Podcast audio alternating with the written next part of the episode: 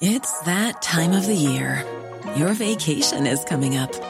You can already hear the beach waves, feel the warm breeze, relax, and think about work. You really, really want it all to work out while you're away. Monday.com gives you and the team that peace of mind. When all work is on one platform and everyone's in sync, things just flow wherever you are. Tap the banner to go to Monday.com. Hiring for your small business? If you're not looking for professionals on LinkedIn, you're looking in the wrong place. That's like looking for your car keys in a fish tank.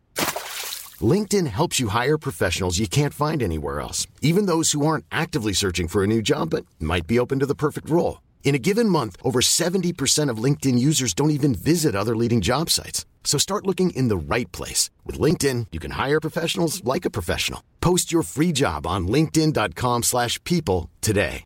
Burrow is a furniture company known for timeless design and thoughtful construction and free shipping, and that extends to their outdoor collection. Their outdoor furniture is built to withstand the elements, featuring rust-proof stainless steel hardware, weather-ready teak, and quick-dry foam cushions. For Memorial Day, get 15% off your Burrow purchase at burrow.com slash ACAST and up to 25% off outdoor. That's up to 25% off outdoor furniture at burrow.com slash ACAST. Dette er en podkast fra Liverpool supporterklubb Norge.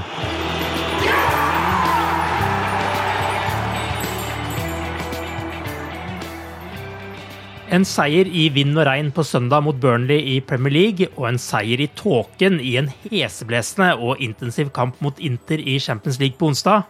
Liverpool er virkelig i siget igjen nå, og for femte kamp på rad kom åpningsmålet på dødball. Arve Vassbotn heter jeg, og i pausepraten til Cop-Out-podkasten denne uken har jeg med meg Mari Lunde og Einar Kvande. Mulig jeg bare er i veldig dårlig form for tida, men jeg tror fortsatt ikke jeg er tilbake i hvilepuls etter gårsdagens kamp. Men herregud og deilig det var å se Bobby Firmino stange inn ledelsen og se Mohammed Salah sette det andre målet. Hvordan skal vi oppsummere denne kampen, Mari?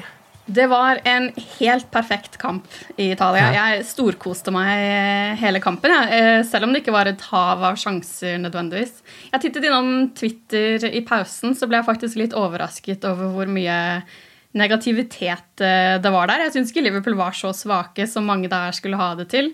Jeg syns mm. at man, man, møtte et lag som, eh, som, var veldig godt forberedt. Eh, og så var det nesten litt som at Liverpool møtte seg selv i døra, fordi Inter spilte med sånn veldig lignende intensitet og høyt press og sånn som Liverpool pleier å gjøre. Så de gjorde virkelig alt de kunne for å ta kampen fra Liverpool, og det klarte de jo for så vidt litt Spesielt i begynnelsen av andre omgang. Men da tok jo Klopp grep og gjorde de tre byttene som snudde hele kampen. Så, så da Liverpool liksom for alvor ble truet, så gjorde de noe med det. Og da skåret Fumino og Salah, og så vips, så har man en fot i, i kvartfinalen. Så jeg syns det var en helt perfekt, perfekt kveld. Man kan liksom ikke be om, be om, be om mer. Så ja, en skikkelig Champions League-kamp mellom to stormakter under flomlysene og med den tåka som kom inn og lagde skikkelig sånn trolsk stemning. Så uh, jeg tror jeg nesten hadde kost meg nesten kost meg like mye uten de to målene. Men uh,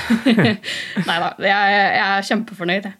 Ja, det var jo, mangla ikke nerve og alt mulig der, men det er jo litt deilig da å få de to på slutten der for å føle at uh, kvelden er komplett. Uh, Eilar, hva syns du om uh, kampen? Nei, Jeg syns vi gjør en veldig bra kamp. Hvis du ser bort fra den første delen av andre omgangen fram til vi gjør bytta, så syns jeg vi gjør en veldig god kamp. Bortekamp i Europa. Holde nullen i Italia. Jeg har faktisk irritert meg litt over media de to siste kampene mot Burnley og, og, Inter. For jeg føler egentlig vi gjør gode kamper på vanskelige bortearenaer i begge matchene. Jeg uh, syns vi presterer bra med å vinne både i Burnley og Inter. og jeg føler det er mye slakt av Liverpool i både norske og engelske medier i kampene. her. Jeg føler det er helt uberettiga. Jeg mm. satt og tok meg sjøl litt her i måten Inter spiller på. De la seg jo veldig lavt. og og invitert Liverpool til høyt press. Og jeg tenkte at det her er jo ren flaks at de ikke fikk et mål imot på en keeper som slår ballen til en motspiller og sånn i første omgangen. Eh, mm. Og de ofra seg totalt i eget felt når de mista ballen. og Det var jo bare å kaste seg foran ballen et par ganger. og har rett og slett flaks at vi ikke tok ledelsen første gang. Jeg, jeg, jeg, trodde jo det var Burnley in disguise her i første omgangen, eh, måten de spilte på. Jeg, jeg, er litt uenig, da. Jeg syns jo Inter var veldig gode. Men jeg er enig, veldig enig i det eh, du sier der med at eh, det er akkurat som at forventningene til Liverpool er annerledes enn andre lag. At det er akkurat som at hvis man ikke skårer tre-fire mål i første omgang, så har man ikke innfridd. Det er, det er litt uh, irriterende å, å se. Ja, det er ikke det jeg mener, Mari, at Inter ikke var god, for det var de definitivt. Og de har gjort hjemmeleksa mm. si, som du var inne på. Eh, men det var liksom bare at de to de store sjansene med å spille så lavt, det kunne ha gått galt. Og det var måten de rydda opp de situasjonene med, som minner om Burnley. Da, at de kasta seg ned og ofra seg fullstendig i dueller. Blokkert et par skudd fra Yota der som ja, kunne ha like godt blitt mål. da. Mm.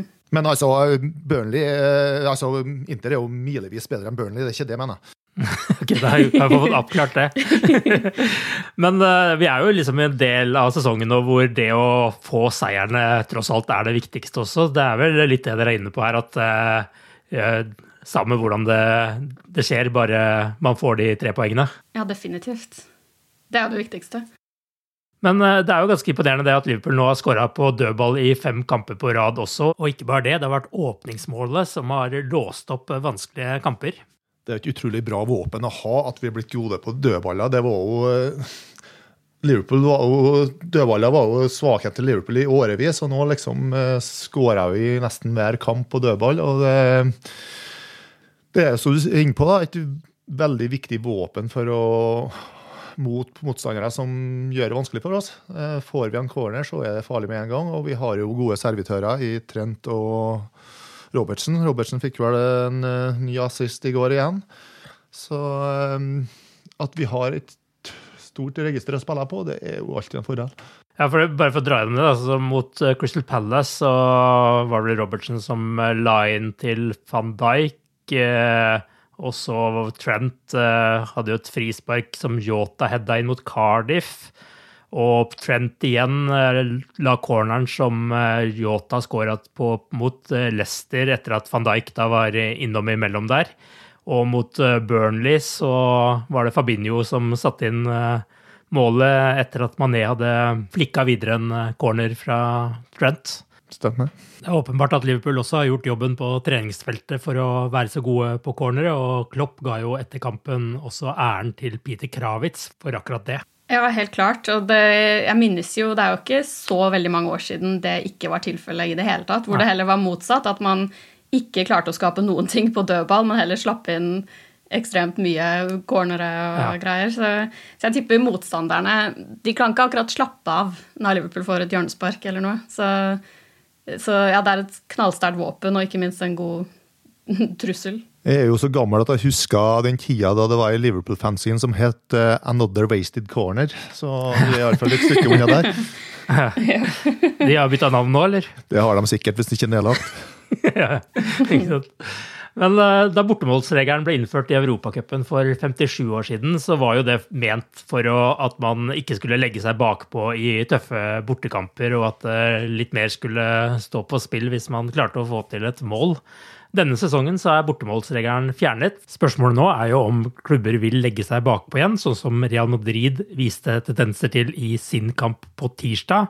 Men uh, det var vel lite som tyder på at Liverpool lot seg affisere av eh, endringen i, i, regelverket. Og i etterkant av denne kampen kunne man kanskje ønske seg at målene telte dobbelt, men eh, synes dere det er greit at uh, den regelen er fjernet nå?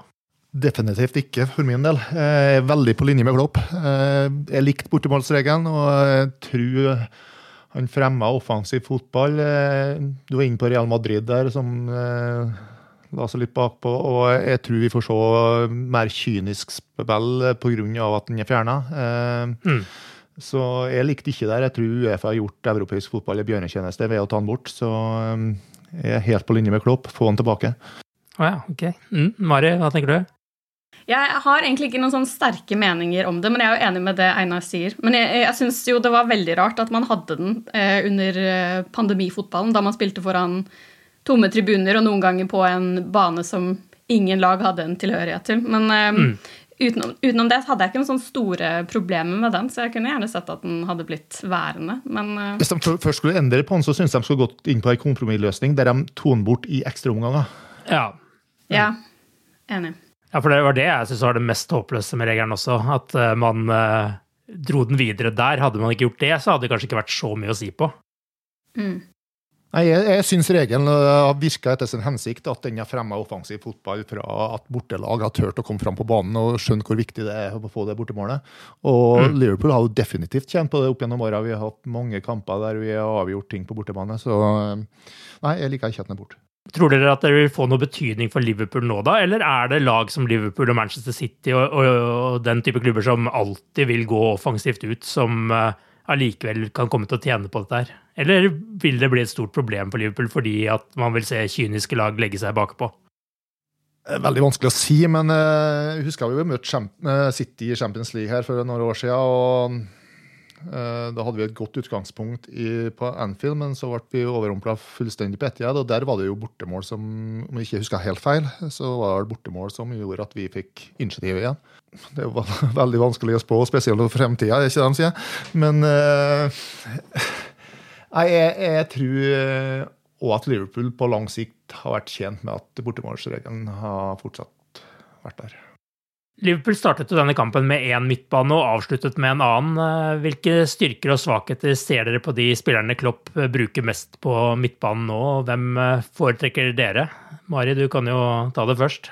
Ja, en sånn stor, stor generell styrke er at man plutselig har mange alternativer, da. Mm. Men jeg syns jo at midtbanen er ganske vanskelig. Jeg har ikke selv klart egentlig å velge min foretrukne trio, rett og slett fordi jeg syns det, det, varierer sånn. Fabinho har kanskje vært den stabilt beste eh, denne sesongen, men så ble jo han byttet ut eh, i går, og etter byttet så så jo Liverpool bedre ut. Um, og Jordan Henderson var jo glimrende da han kom inn på i går, men han var jo ja, Han liksom hjalp um, hjalp å få litt mer kontroll i laget i kampen. Han var dirigerende og skapte ro i troppen, men så var han ganske svak igjen mot Burnley, og da var Liverpool for bedre da han ble bytta ut til fordel for Tiago. Så jeg syns det er litt vanskelig. Og så Harvey Elliot har jo sett kjempelovende og spennende ut, men han syns jeg ble et uh, Altså, han så litt for liten ut, rett og slett, på San Siro, så det var jo akkurat som om anledningen var litt for stor for han, så det er jo det er jo nesten et sunnhetstegn, for han er jo fortsatt bare 18 år. Ja. Så det viser jo at han er menneskelig. Men eh, nei, jeg syns, jeg syns midtbanen er litt tricky, rett og slett fordi det er mye å velge mellom, og litt, litt sånn uh, variert. For min del så syns jeg jo Fabinho på en måte er den eh, helt selvskrevne der. Og syns jo han spilte veldig mm. bra i går og, og forsto egentlig ikke helt byttet. Men så viser det seg at Klopp eh, kan sakene sine, og så funka det likevel. Ja, For min del så er det to klare førstevalg eh, nå, så sant de er skadefrie. Og det er jo Fabinho og Tiago. Eh, når de spiller sammen, så har vi vel ikke tapt kamp, om ikke tar feil. Eh, mm. Og jeg syns de er veldig gode begge to i sine roller. Eh, Fabinho er jo en ryddemaskin av dimensjoner. Han, eh, ja, han bryter ballbaner, han takler, han eh, skjermer Forsvaret på en utrolig bra måte. Og når du da har en som kan behandle ballen som Tiago gjør, eh, så er det en ekstremt god kombo. Og da har du én plass igjen for min del, og som det, det står om. Jordan Henderson er kaptein, men jeg, begynner, altså jeg har alltid likt Jordan Henderson og syns jeg har fått veldig mye ufortjent kritikk opp gjennom åra, men jeg begynner å lure på om han er litt på hell. altså. Uh, mm. David Lynch var vel inne på det i sin spalte nylig, at uh, det var litt urovekkende tendenser der. og Jeg tror vel vi får se eh, Henderson mer og mer i en innbytterrolle eller bli utbytta. Uh, men ja, så har du jo alternativer i Milner og også Keita og ja, Milner er jo på hell.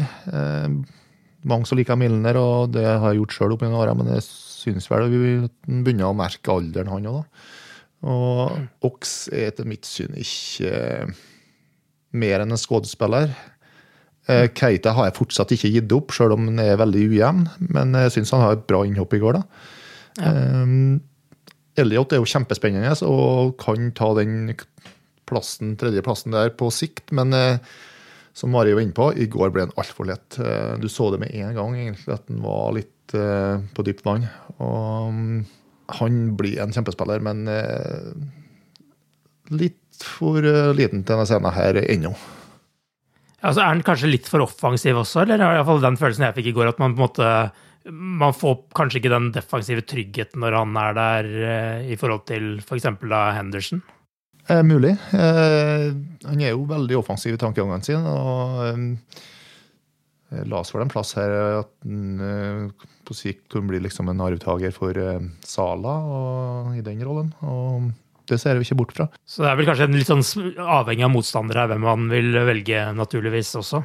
Ja, det vil det jo være. Men, men du så jo i, i, i går, da, for å ta en konkret situasjon, da det var han tyrkeren på uh, Inter som skjøt i tverrliggeren. Uh, Da fulgte han ikke løpet sitt, rett og slett. Det var slurvfeil av Elliot. Han uh, førte ikke mannen sin, og, som skapte den store sjansen til, som Inter kunne tatt ledelsen på. der. Og det er mulig det handler litt om defensiv trygghet, at de andre blir litt usikre i forhold til det defensive. Um, at han ikke har kanskje lært seg å jobbe nok bakover ennå. Hva er konklusjonen din, da? Hvilken tre er det du eh, vil foretrekke nå? Altså, Fabinho Tiago selvskreven. Eh, per nå Henderson. Men eh, jeg håpa jo egentlig at Keita skal bli den spilleren som vi trodde vi fikk, og ta den rollen på sikt. da. Hva tenker du, Mari? Hvilken tre er det du lander på? Ja, da er jeg jo enig i Fabinho og Tiago er ganske selvskrevne, men jeg, jeg klarer ikke å Uff.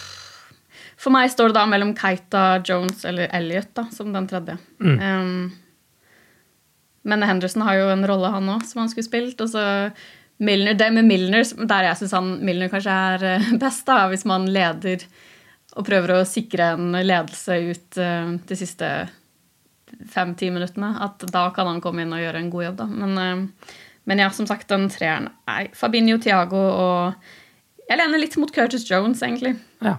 Det handler litt om kamputvikling og, og, og motstander og det her. da. Eh, Jeg vil gjerne bruke Elliot i kamper der vi vet vi kommer til å styre og trenger eh, noen til å låse opp et eh, bastant lavtliggende forsvar. Da trenger vi typer Elliot som kan tre gjennom geniale baller. Litt sånn som Shakiri gjorde for oss da han var i Liverpool.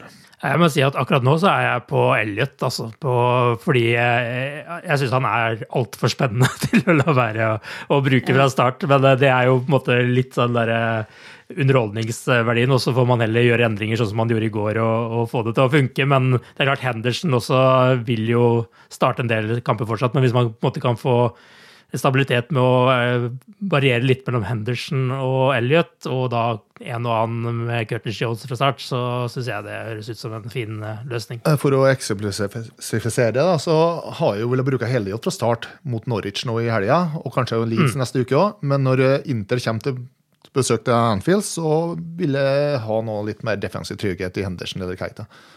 Ja, tenker jeg, og litt sånn Når man skal møte lag man tenker kommer til å ligge lavt, så tror jeg Elliot kommer til sin rett. Mens mm, når du vil møte folk som enten er veldig kontringssterke eller eh, vil prøve å ha ballen litt, så tror jeg kanskje jeg ville foretrukket eh, Henderson, for eksempel. Ryan Reynolds here from Mint Mobile. With the price of just about everything going up during inflation, we thought we'd bring our prices down. So to help us, we brought in a reverse auctioneer, which is apparently a thing. Mint Mobile unlimited premium wireless. Ready to get 30, 30, bit to get 30, bit to get 20, 20, 20, bit to get 20, 20, bit to get 15, 15, 15, 15 just 15 bucks a month. So, Give it a try at mintmobile.com slash switch. $45 upfront for three months plus taxes and fees. Promo rate for new customers for limited time. Unlimited more than 40 gigabytes per month. Slows. Full terms at mintmobile.com. Hiring for your small business? If you're not looking for professionals on LinkedIn, you're looking in the wrong place. That's like looking for your car keys in a fish tank. LinkedIn helps you hire professionals you can't find anywhere else, even those who aren't actively searching for a new job but might be open to the perfect role. In a given month, over 70% of LinkedIn users don't even visit other leading job sites. So start looking in the right place. With LinkedIn, you can hire professionals like a professional. Post your free job on linkedin.com slash people today. Hey Dave, Yeah, Randy. since we founded Bombus, we've always said our socks, underwear, and t shirts are super soft. Any new ideas? Maybe sublimely soft. Or disgustingly cozy? Wait, what? I got it. Bombus. Absurdly comfortable essentials for yourself And for those facing homelessness. because one purchased equals one donated. Wow, did we just write an ad?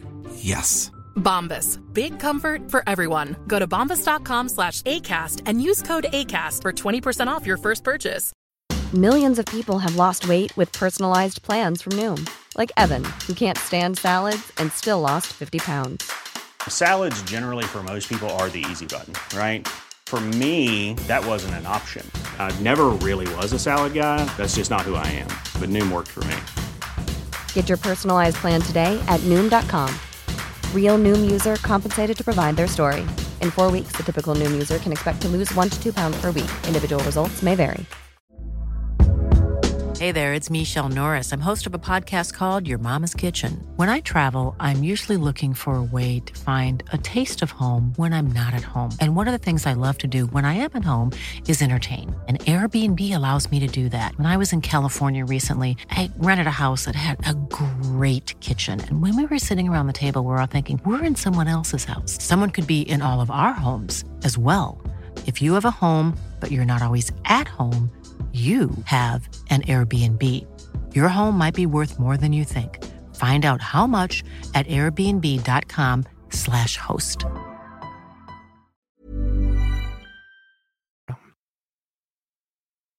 En annen mann som eh, vi må innom, er Luis Diaz. Han fikk jo en ny sjanse i denne kampen. og Jeg må jo spørre dere også, hva er inntrykket av Liverpools eh, nyeste spiller? Det er et godt inntrykk. Jeg synes Det kanskje kuleste med han er at det virker som han har på en måte glidd helt sømløst inn i laget. Mm. Så spillemessig så passer han helt inn. Eh, og det kan jo være Sadio Mané synes det kanskje er litt kjipt, eh, men resten tror jeg synes det er, er gøy å ha han der. Og så elsket jeg hvordan han hoppet på Firmino etter eh, målet, og at han er midt inne i feiringen med resten av lagkameratene. Så han virker å ha funnet seg til rette på veldig kort tid, og det er dødskult å se. Og så håper jeg bare han klarer å score snart, for det kan jo også bli en litt sånn Ja. greie hvis han ikke For han har jo kommet til veldig gode sjanser og har kanskje ikke hatt marginene helt på sin side. Mm. Men øhm, ja, nei, det ser lovende ut. Veldig lovende ut. Veldig gøy.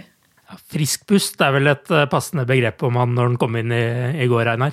Ja, absolutt. Jeg er veldig imponert av det Diaz har vist i helrødt. Eh, Jeg så den landskampen landskampen Colombia-Peru her eh, rett etter vi kjøpte den, og tenkte at her har vi kjøpt en spiller som vi må gi en tid, for eh, han virka liksom Ja, skal jeg si litt sånn Ikke helt på i den kampen, da. Så eh, jeg jeg var redd vi trong, han trong sånn Fabinho-tilvenning, eller Robertsen-tilvenning. altså Det tar et halvår pluss for at han kom til å bli en Liverpool-spiller. Men han har kommet på laget og vist at han er Liverpool-spiller med én gang. Og han har jo noen geniale løp og geniale pasninger. og Viser stor spillerforståelse og kreativitet og god teknikk. Så her har vi kjøpt en eh, full pakke igjen.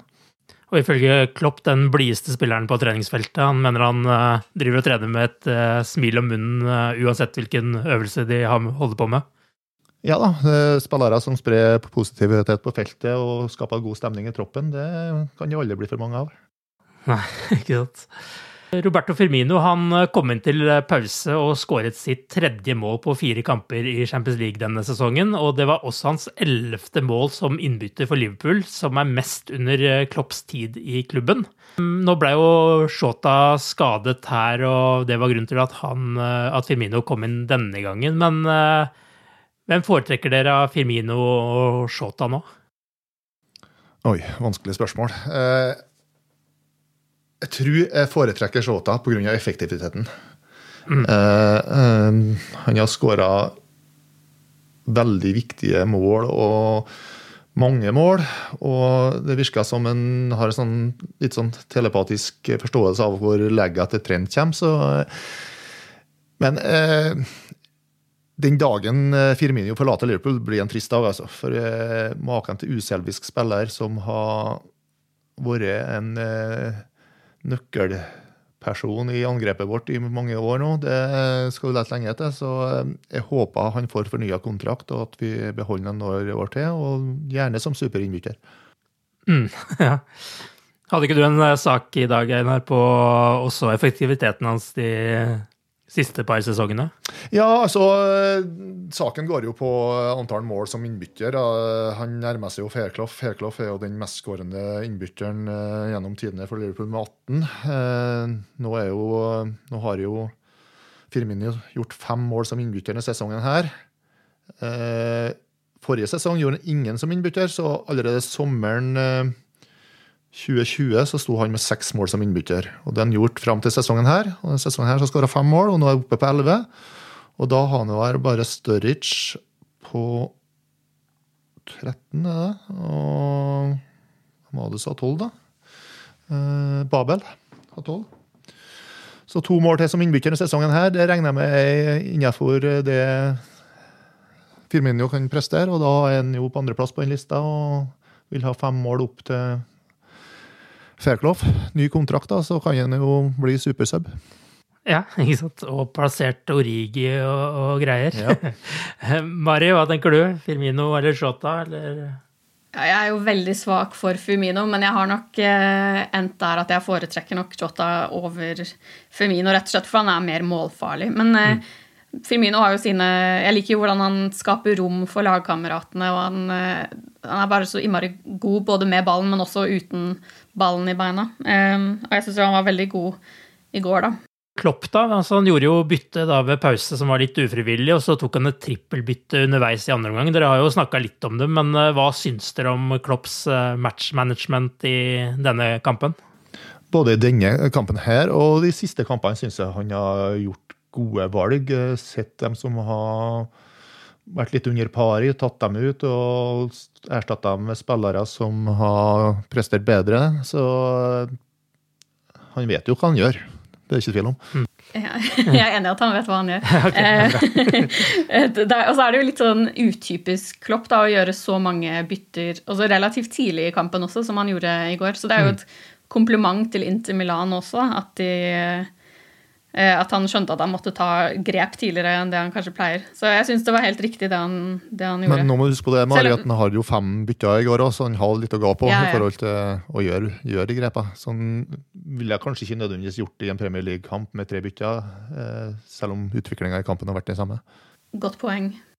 Og han har jo blitt kritisert litt før også for at han kanskje har gjort bytter for seint, så det kan man jo ikke ta han på nå, iallfall.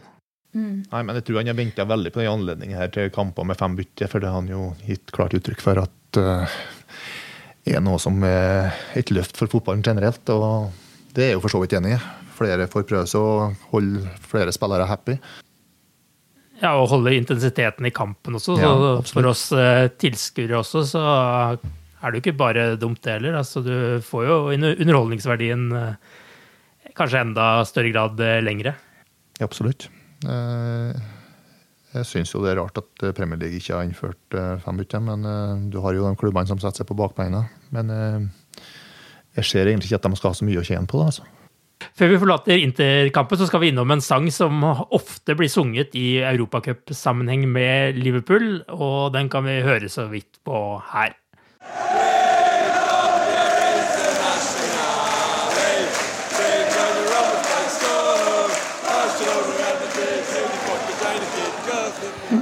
Dette var jo bare femte gangen Liverpool møtte Inter Milan, men likevel så synges det om eh, 'Bring on your internasjonale'. Hva er historien bak det, Mari?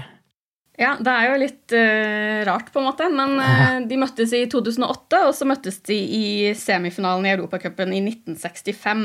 Ja. Uh, og da, i 65 så var det første møte på Anfield, der Liverpool vant 3-1. Og så skulle de møtes i returoppgjøret på San Siro, og der eh, vant Inter Milan 3-0. Og det har blitt ropt ganske høyt da, om at Liverpool var ofre for kampfiksing i den kampen.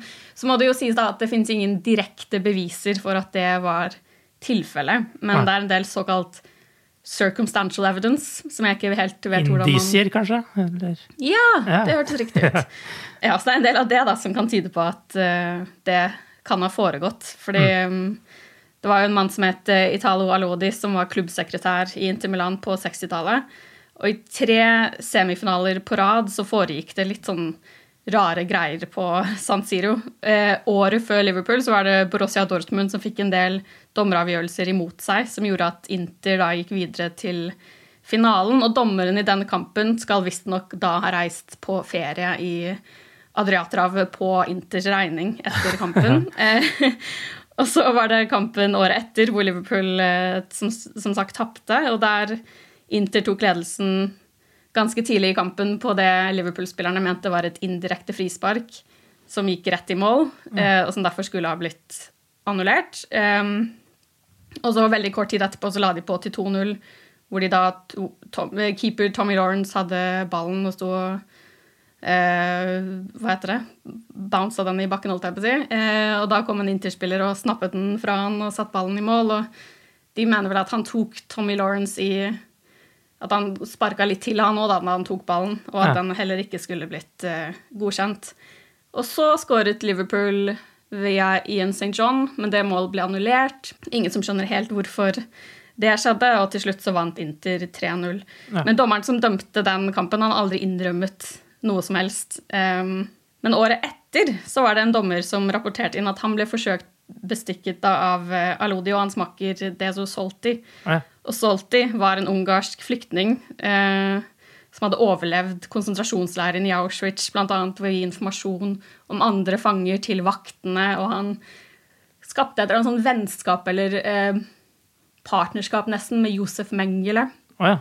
Så han er en kjempespennende spennende fyr som The Guardian hadde en veldig bra sak på han denne uken, som jeg anbefaler. Um, men han endte da opp i eh, Milano, og der endte han opp med Han var ikke formelt ansatt av Inter, men eh, han jobbet på vegne av Alodi med å bestikke dommere, da, visstnok. Å ja. Eh, blant annet dommeren som skulle dømme kampen mellom Inter og Real Madrid året etter Liverpool spilte. Um, men, og den dommeren rapporterte det inn, da, for han ble tilbudt penger, en pengesum som skulle gjøre at han kunne kjøpe fem-seks luksusbiler der- dersom han sørget for at Inter gikk til finalen. Nei. Men det gikk han ikke med på, da. Um, så ja. Det er mye mer. Jeg vet ikke om jeg skal fortsette, men uh, han, på 70-tallet så var det noe med Juventus og greier, hvor Alodi og Solti var involvert. og Ja. eh, det, ja, det finnes ikke direkte beviser på at den kampen mellom Liverpool og Inter Milan at det foregikk noe kampfiksing, men det, det har jo skapt en sånn ekstra brodd mellom de to lagene. Ja. Eh, som jo er litt eh, artig, da. Men eh, Tommy Smith var annet så rasende på dommeren at han jaget han ned tunnelen etter kampen og tuppet til han. Og han fikk jo ingen, eh, ingen konsekvenser for å sparke til dommeren, så jeg tenker at kanskje det kan bety at dommeren var litt enig i at ja, jeg, jeg fortjente den. Men bortsett fra å være et, eh, en forsvarstale for eh, VAR, dette her, hva, hvordan oppsto sangen? Hva, hva, hvordan, ble det, hvordan ble det til det? Det vet jeg ikke. Nei. Jeg har spurt så mange, men det er ingen som på en måte har noe sånn klart svar på hvor På liksom når eller hvor. Men jeg- den eneste liksom logiske forklaringen jeg og de har funnet, da, er at det har med det, det Ja, den ekstra brodden i den kampen å gjøre. At Ja. eh, For Tommy Smith var jo sånn hver gang Inter ble nevnt i ettertid, så var det bare uff, bloody cheats. Og han jeg klarte aldri å la det gå, da. Nei, nettopp. Så Det høres jo ut som eh, de kompanjongene der fort kunne bestukket vardommere òg i sin tid. Ja, det er sant. ja. Før det er returoppgjør mot Inter, så skal Liverpool møte både Norwich og Leeds i Premier League og spille ligacupfinale mot Chelsea og ha et nytt oppgjør mot Norwich i FA-cupen og en seriekamp til mot Westham. Liverpool er jo en god periode nå, men eh, hva taler for at Liverpool skal klare å fortsette den seiersrekka de har nå? Nei, For det første så har vi jo en fulltallig tropp for eh, første gang i Klopps managerkarriere i Liverpool, så vidt jeg kan huske at vi har Ja, nå er jo, det vi jo ikke nå, da, Jota og skal ha nå, men vi hadde jo det et lite øyeblikk, da. Ja, ja vi hadde det. Men eh, minus én mann, da. Eh, Så det taler jo for at vi kan skifte på mannskapet i disse kampene og, og rullere en del. Eh, så, og det tror jeg Klopp kommer til å benytte seg av, men eh, kanskje ikke i så stor grad som mange tror på forhånd. Det hadde jo skjedd før at han har skifta ut bare en to-tre mann. Eh, og det, jeg tippa jo vi får se Matip eh, mot Norwich i stedet for Konate. Det tror jeg. Og um, midtbanen kan det jo bli forandringer på, og ja, angrepet òg. Han har vel han sagt at Kelle her skal stå i finalen? Ja, han har vel det. Ja, han han ikke det? Mm. Så da blir det skifte på keeperplassen mot Chelsea. Og ja, eh, jeg tror vi får se en del rullering. i- Og tidlige bytte. Og kanskje hvis uh, kamputviklinga går vår vei og vi kan få når tidlige skåringer, så ser jo ikke bort fra at han kommer til å bytte tidlig òg i en del ligakamper. Alle kampene her er jo på papiret overkommelige. Når vi klarer å slå Inter 2-0 borte, så klarer vi å slå de her òg hvis vi har dagen, men kampene skal spilles. og Det har jo skjedd større undre, skal vel ikke kalle det det, da, men altså, vi har jo tapt for Westham. Vi tapte jo for Westham borte. og vi må være skjerpa i alle kampene. og Det tror jeg Klopp kan løse med å rutere en del på mannskapet og få inn folk som vil spille seg til en plass. da. Så har jo Liverpool hatt en vanvittig sterk benk eh, nå de siste kampene, også når det har vært eh, fulltallig. Så det viser jo at det er eh, enkelt for Klopp å rotere litt uten at man svekker laget nevneverdig heller. Ja, er jo, man er jo som sagt da, i en sånn fantastisk situasjon at man har en godkjent backup på nesten hver eneste posisjon. Mm. og og det er jo alfa og omega for å komme seg gjennom det. Men, så han kan jo rullere en del, men det er jo også ikke kamper man har råd til å tape heller. Nei. jeg vet liksom ikke om han skulle nedprioritert noen av dem, men ehm, jeg, er optimistisk, jeg. Men det er jo vanskelig å balansere. Men jeg, eh, slår man Chelsea i ligacupen, så kanskje man kan Nei, jo, da kanskje man stiller med en litt svakere tropp mot Norwich i FA-cupen. Men taper man i London, så blir plutselig, føles plutselig den FA-cupkampen mye viktigere igjen. Så, mm. um, jeg, tror, altså, jeg håper virkelig vi vinner ligafinalen, får et trofé i hus. Så har vi liksom uh, Vi spiller litt mer frihet. Vi har tross alt vunnet trofé, selv om mm. det er det minste trofeet. Så uh, så tror jeg det vil gi en boost inn mot eh, de siste månedene i sesongen. en ting vi ikke snakket om tidligere, forresten, var eh, Konaté, hvor utrolig sterk han var mm. Ja, han var nesten min man of the match, eh, vil jeg si. Ja, enig. Han, han, og Van Dijk var jo helt Altså ja, nei, jeg bare, måtte bare få med den. Ja, Det er fint å nevne det, fordi det viser jo igjen at man har jo veldig gode alternativer også også der. Eh, og en litt annen type enn eh, Matip uh, igjen. Så som dere jo egentlig er innom begge, begge, to. Man må endre på laget, men man vet bare ikke helt hvordan, og det skal Nei, det, heldigvis Klopp ta. jeg tror jo Klopp og analyseteamet hans har det der ganske klart, det med å analysere motstand og finne de spillerne som passer mot den motstand og, mm. motstanderen, og da ja, blir valga deretter, tror jeg. altså det blir litt sånn, eh, Jeg tror han lærte litt av den kampen. Jeg tror ikke vi får se Elliot i returkampen fra start. Jeg blir veldig overraska, men klart det er på Anfield og Skal aldri si aldri, men jeg tror kanskje han går for litt mer rutine i returkampen med Inter. Men at vi får se Elliot mot Norwich nå igjen, det, det er fullt mulig. Eventuelt Leeds. Slik det har blitt de siste sesongene, så har jo det meste handlet om Liverpool og Manchester City i Premier League, og denne sesongen har City overtak i ligaen med ni poengs forsprang og én kamp mer spilt enn Liverpool. Men også i Champions League så jakter jo klubbene det samme trofeet, og etter Citys 5-0-seier over Sporting Lisboa på tirsdag så fikk Guardiola spørsmålet om eh, hva slags lag som kan slå dem når de er i den formen de er nå, og det mente han selvsagt var Liverpool. La oss høre litt på det han sa. Liverpool is uh, six points uh, behind us. Liverpool was the, our bigger rival in the last season. They always was there. It was a pain in the ass all the time. So they're a fantastic team in Europe. Hvis vi nå da i tillegg legger til eh, det han sa om Liverpool i garderoben på Goodison Park i All or Nothing-serien tilbake i 2018, da han skulle spille mot Everton, men eh, var mer opptatt av å snakke om eh, returoppgjøret mot Liverpool i Champions League, så kan det jo tyde på at Liverpool har kommet ganske greit under huden på Pep Guardiola. Mari, er du bekymra for Pep Guardiolas nattesøvn og at han drømmer for mye om Liverpool nå? Jeg, jeg, tror han drømmer masse om Liverpool. Jeg, jeg tror du har helt rett i at vi er så langt under huden på han, og det irriterer han grønn at selv om det er City som kanskje har vært det beste laget i Europa i noen år nå, så er det Liverpool som folk fortsatt bryr seg mer om. Ja, uh, ja jeg tror Jeg syns, City er et uinteressant fotballag, ja. helt ærlig. Jeg skrur nesten av hver eneste kamp, for jeg syns det er så kjedelig. Ja. Um, så ja, jeg tror han er misunnelig på Liverpool og på Liverpools Champions League-suksess, og at Liverpool får overskrifter og oppmerksomhet. Så jeg håper han sover litt dårlig. Men jeg, jeg liker jo egentlig Pep. da. Jeg syns han virker som en trivelig type. Og det forholdet mellom Pep og Klopp virker jo ganske sunt og litt sånn rival, hyggelig rival, rivalisering, hvis man kan kalle det det. Så jeg, ja, Nei, jeg tror, jeg tror, og håper han sover dårlig, men uh, liker han egentlig, hvis det er i noen som helst mening. men han syns Liverpool er en pest og en plage på de beste måter for vår del. Uh, hva tenker du, Einar? For, har han noe å frykte her? Det første som slår meg, er jo at du aldri kan drømme for mye om Liverpool. Nei, ikke sant. Ja. Så det må man gjerne, ja, for dette har du og Pep eh, til felles. Ja. ja. Det må man bare gjerne fortsette med å drømme om Liverpool. Eh, ja. Nei eh, det er jo tydelig at han frykta Liverpool. Eh, han sa jo til og med det i samme intervjuet at eh, Liverpool var seks poeng bak. Og da har han mm. vel tatt tre poeng at Liverpool vinner hengekampen for gitt. Ja. Så det Altså, det er jo enkelt, eh, det her. Det er bare å se på tabben, så ser jo egentlig at eh, Liverpool er den eneste rivalen til City om ligatittelen nå. Eh, det er jo 16 poeng ned til Chelsea, og det tar Chelsea aldri i verden igjen.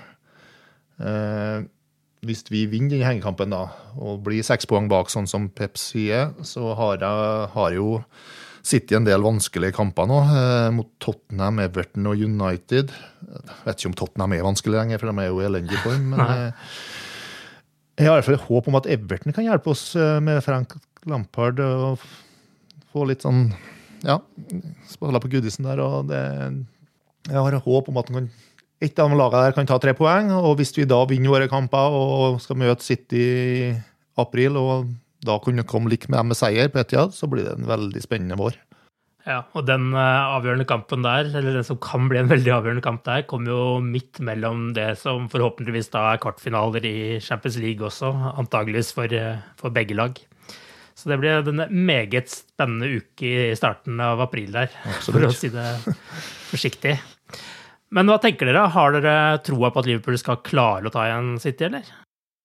Jeg har ikke gitt opp, for å si det sånn. Eh, det var vel en stund jeg var mer skeptisk allerede nå. Nå har jeg litt eh, forhåpninger igjen. For at eh, det, det ser ut som vi er sverre og spiller oss i form. og Skadene virker som et tilbakelagt stadium. og Får vi holde sentrale spillere utover våren, og de er i formen de har vist den siste tida, så tror jeg det her kan bli riktig moro. Ja, jeg er også litt sånn uh, irriterende, litt sånn optimistisk. ja, det er jo håpet som uh, It's hope that kills you, er det ikke det du sier? Ja. Men um, jeg ser jo ikke, på en måte ikke helt hvordan City skal tape de nødvendige poengene, men så tabber de seg jo ut mot Southampton, da. Altså, det Einar sier om Everton, er jo veldig interessant, fordi Evertons supportere de holdt på å si, aksjonerte jo før den underveis i den Leeds-kampen. og virkelig, Hvis, hvis, hvis Everton-supportere stiller seg bak laget, så kan Everton kanskje slå City. Ja. Men eh, vil de det? Supportere er definitivt ikke det. Det er jeg ikke tvil om.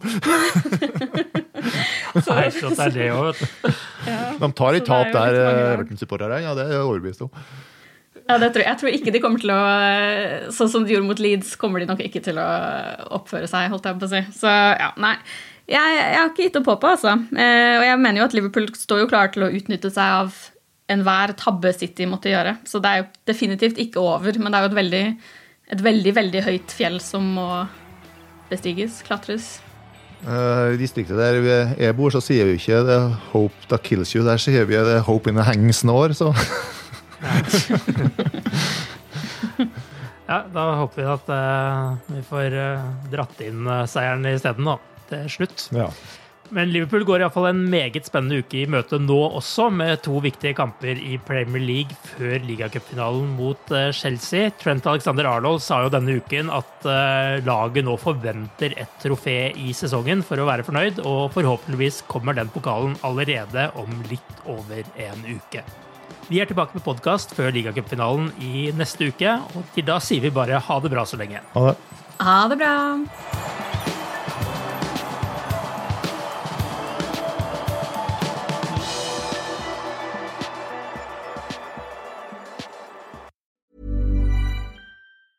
A lot can happen in the next three years. Like a chatbot may be your new best friend. But what won't change? Needing health insurance. United Healthcare Tri Term Medical Plans are available for these changing times Underwritten by Golden Rule Insurance Company, they offer budget-friendly, flexible coverage for people who are in between jobs or missed open enrollment. The plans last nearly three years in some states, with access to a nationwide network of doctors and hospitals. So for whatever tomorrow brings, United Healthcare Tri-Term Medical Plans may be for you. Learn more at uh1.com. Hi, I'm Daniel, founder of Pretty Litter. Cats and cat owners deserve better than any old-fashioned litter. That's why I teamed up with scientists and veterinarians to create Pretty Litter. Its innovative crystal formula has superior odor control and weighs up to 80% less than clay litter. Pretty Litter even monitors health by changing colors to help detect early signs of potential illness. It's the world's smartest kitty litter. Go to prettylitter.com and use code ACAST for 20% off your first order and a free cat toy. Terms and conditions apply. See site for details. Planning for your next trip? Elevate your travel style with Quince. Quince has all the jet setting essentials you'll want for your next getaway, like European linen, premium luggage options, buttery soft Italian leather bags, and so much more. And is all priced at 50 to 80% less than similar brands. Plus, Quince only works with factories that use safe and ethical manufacturing practices. Pack your bags with high-quality essentials you'll be wearing for vacations to come with Quince. Go to quince.com slash pack for free shipping and 365-day returns.